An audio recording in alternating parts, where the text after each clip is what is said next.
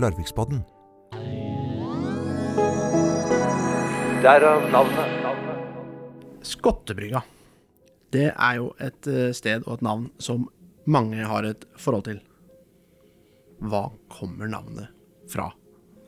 Altså, for å være helt ærlig, det vet vi jo ikke sikkert. Og det er mange teorier. Og jeg har min. Jeg har min egen. um, og den ligger langt tilbake i tid. Fordi i 1623 så ble det laget en eh, slags opptelling av leilendingene under eh, adelsmannen som da solgte eh, Fresjegodset. Og blant disse så finner vi Morten Scott. Og så som jeg leser i kildene, så må han ha bodd et eller annet sted bortover det som het fra Stranden, som da er Storgata i dag, og videre bortom mot det vi kaller Skottebrygga-området. Så jeg tenker meg at eh, kanskje navnet kommer fra Morten Skott. Men eh, Skottebrygga, eh, hvilken betydning eh, har den hatt eh, for Larvik havn? Ja, nå vet vi at eh, fra 1670-årene, når Gyldenløve kommer til byen, så betrakter han egentlig da Skottebrygga som sin brygge. Den, den er et anlegg som hører til herregården.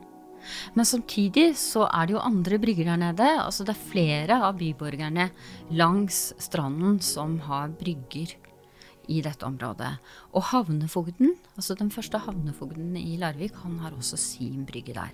Så dette her utvikler seg jo som et sånt lite bryggeområde, og som en del av hele det store Larvik havn. Men den, den store, viktige havnen da, i i Larvik var Elvehavnen. Altså Elvehavnen, det var Farriselvas havn. Der lå eh, skutene som kom eh, i forbindelse med jernverket eh, og, eh, og sagbruksindustrien. Men det tilhørte da Langestrand, og det tilhørte verket. Eh, og når det gjaldt eh, ellers, så var jo Larvik var jo en åpen red. Altså de store skipene og mindre skip de lå da for landtau. Eh, ringer som vi ser den dag i dag, som er slått ned i fjellet.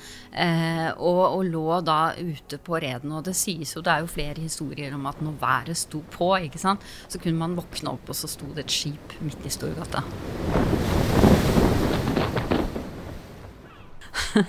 Sånn at byens befolkning, altså eh, byborgerne, handelsmenn og redere i Larvik, de var jo tidlig på 1700 på jakt etter en bedre havn, en tryggere havn. Og de så jo da mot Langestrandsida og ville så utrolig gjerne kunne ha sine skip, eh, og skip som kom i forbindelse med deres virksomheter, til å ligge der. Og der sa jo da eh, grevens embetsmenn og greven selv nei.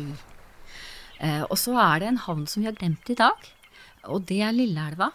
Altså omtrent der hvor Farrisfabrikken ligger. ikke sant? Så kom det ut en del av Farriselva. Og det var også et havneområde. Og de spurte også der kan vi få lov til å utvikle havn der.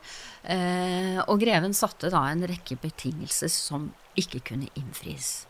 Og på denne tiden her så er altså det norske havnevesenet eh, i stort, altså over hele landet, i utvikling. Og eh, stattholderen sier da at eh, det er dette som kaller mudderpenger. Det er en sånn slags statlige midler som da kan utløses for å forbedre havnene. Dette skjer etter den store nordiske krig, og etter da forbedringen av losvesenet kommer som en sånn slags eh, fornyelse i landet. Og i Larvik så forstår da borgerne at dette er deres mulighet til å kunne påvirke utviklingen i egen by. Og de søker da om å få bruke disse mudderpengene til å opparbeide bedre havn. Og de får da ikke tilgang i Elvehavnen, ikke i Lilleelva, men så blir da Skottebrygga-området det stedet hvor de får mulighet til å etablere sin egen havn. Så dette blir byens havn. I 1748 så søker de om dette. I 1754 tror jeg de får det innvilget og starter, og i 1756 så er da dette trebryggeanlegget ferdig. Og det blåser sønder og sammen bare noen få år senere.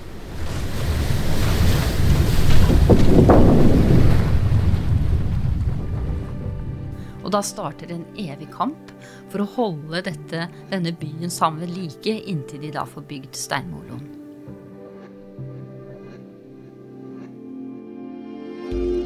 Ansvarlig for podkasten er Foreningen Ropert. Og du hørte Kjetil Wold i samtale med konservator Aina Aske fra Larvik museum. Opptak og lyddesign Geir Atle Johnsen. Følg oss gjerne på Facebook, Larvikspodden Ropert eller Vi350. Du finner også Larvikspodden på Instagram. Produsent Virvel AS.